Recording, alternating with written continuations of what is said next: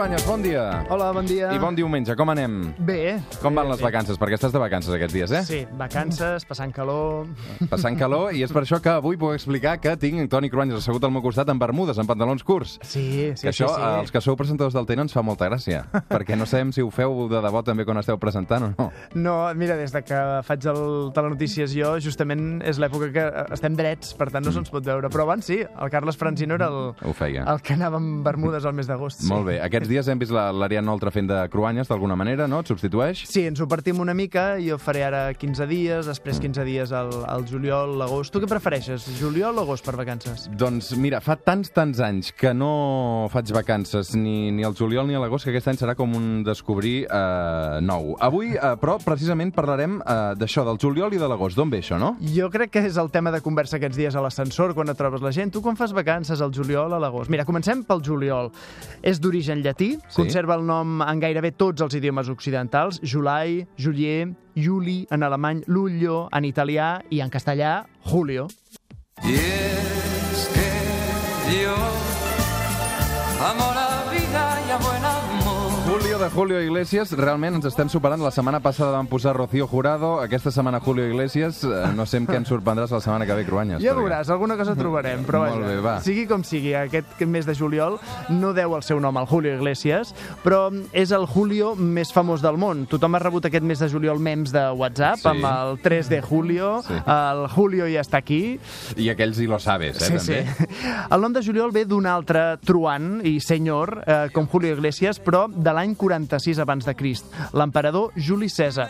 Sense cap mena de dubte, Juli Cèsar va impulsar canvis tan importants en l'assentament de l'imperi romà que va afectar moltíssimes coses de l'alta política, però també de la vida quotidiana i de la vida senzilla de la gent. De fet, ell va reformar el sistema del calendari fins al punt de convertir-lo gairebé idèntic al que encara mantenim avui, 2.000 anys més tard. I encara ara s'utilitza a bona part de tot el món, no? Sí, amb algunes modificacions que va impulsar un monjo, que també era científic, que es deia Sant Gregori.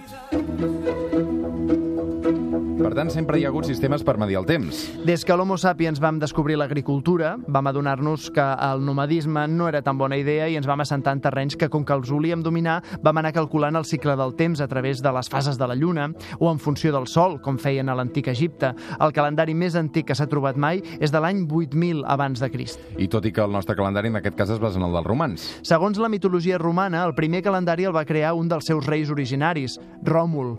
Hi havia moltes tradicions. Abans dèiem com els egipcis es fixaven en el sol. Els etruscs, en canvi, tenien com a referència de cada mes l'arribada de la lluna plena. Clar, convivien anys de 374 dies amb altres que duraven 304 dies. O sigui, tot tenia a veure amb el temps de la collita i amb la sembra dels cultius. Els romans van decidir organitzar-se en 10 mesos. Sí, començaven a l'actual mes de març, que és quan s'iniciaven les feines del camp. També és quan feia prou bon temps per començar les campanyes d'invasió dels pobles bàrbars al nord d'Europa.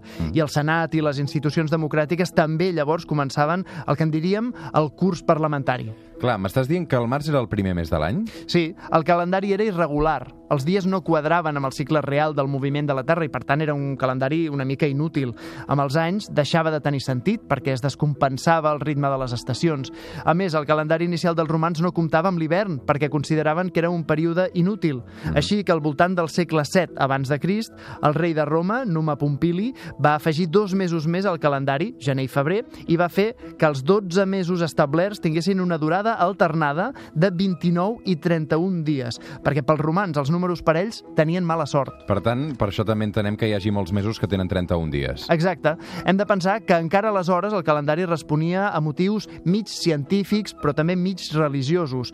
I així s'entén també els noms de cada mes. Va, repassem un per un el nom romà de cada mes i comencem pel gener, que és el primer mes de l'any per necessitats de l'exèrcit de Roma. A veure, el mes de gener té nom d'un déu romà. El déu Jano, que és el protector de les portes, de les entrades. Té lògica, no? Mm. L'entrada de l'any està dedicada al déu protector Jano, que se'l representa amb una clau. Recordeu que dèiem que inicialment l'any començava el mes de març i tenia només 10 mesos, però quan es van establir els 12 mesos definitius, l'any va començar al gener perquè al març es volia iniciar la campanya per conquerir Hispània. Els cònsuls necessitaven reunir-se abans per organitzar la seva estratègia i per això es va avançar l'inici de l'any. El mes de febrer també té nom de déu. Eh, és el déu Plutó, que Plutó. abans es, Plutó, però abans els etruscos en deien Februo. Mm. Era el déu del sacrifici, perquè era una època en què es demanava que la collita de la primavera fos bona. Februo era un déu amb molta ira, era el déu de les malalties, de les plagues. Per això, el mes de febrer es feien festivals religiosos i de molta pregària. I el nom de Mars té relació amb el déu romà de la guerra, Mart. Era quan començaven les campanyes militars de conquestes. El poble romà, sobretot, era un poble guerrer. I també quan es començava el curs polític. Shakespeare va immortalitzar els idus de març, com el moment en què els senadors van assassinar Juli Cèsar.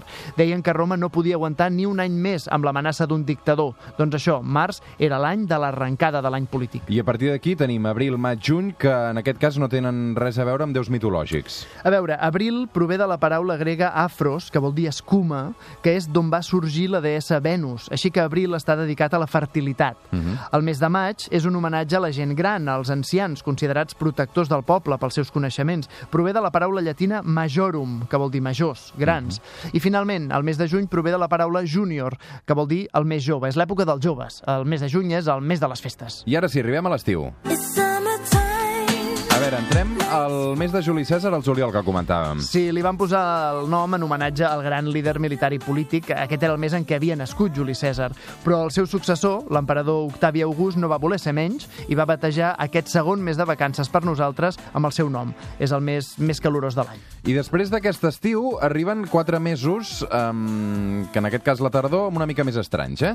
Eh, té una lògica, ara ho entendràs. Setembre té l'arrel llatina de septimus, vol Sí. dir el setè mes del calendari, igual que octubre vol dir vuitè mes, novembre novè i desembre desè. Són els noms del calendari romà inicial, que només tenien 10 mesos. Per això aquests mesos finals compten fins a 10 i no fins a 12. Així que al setembre li diem setè mes, quan en realitat és el novè.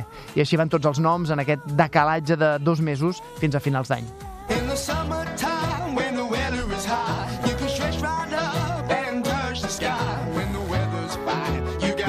de coses que s'aprenen escoltant el Cruanyes a aquesta hora dels diumenges al matí. Um, avui arribarem a les 9 del matí. Deixem que te n'expliqui alguna de cosa. Aquesta cançó es diu Summertime, és del grup britànic Mungo Jerry, um, i arribarem fins a les 9 del matí. Toni, moltes gràcies. Gràcies a tu. Que vagi molt bé, bon diumenge.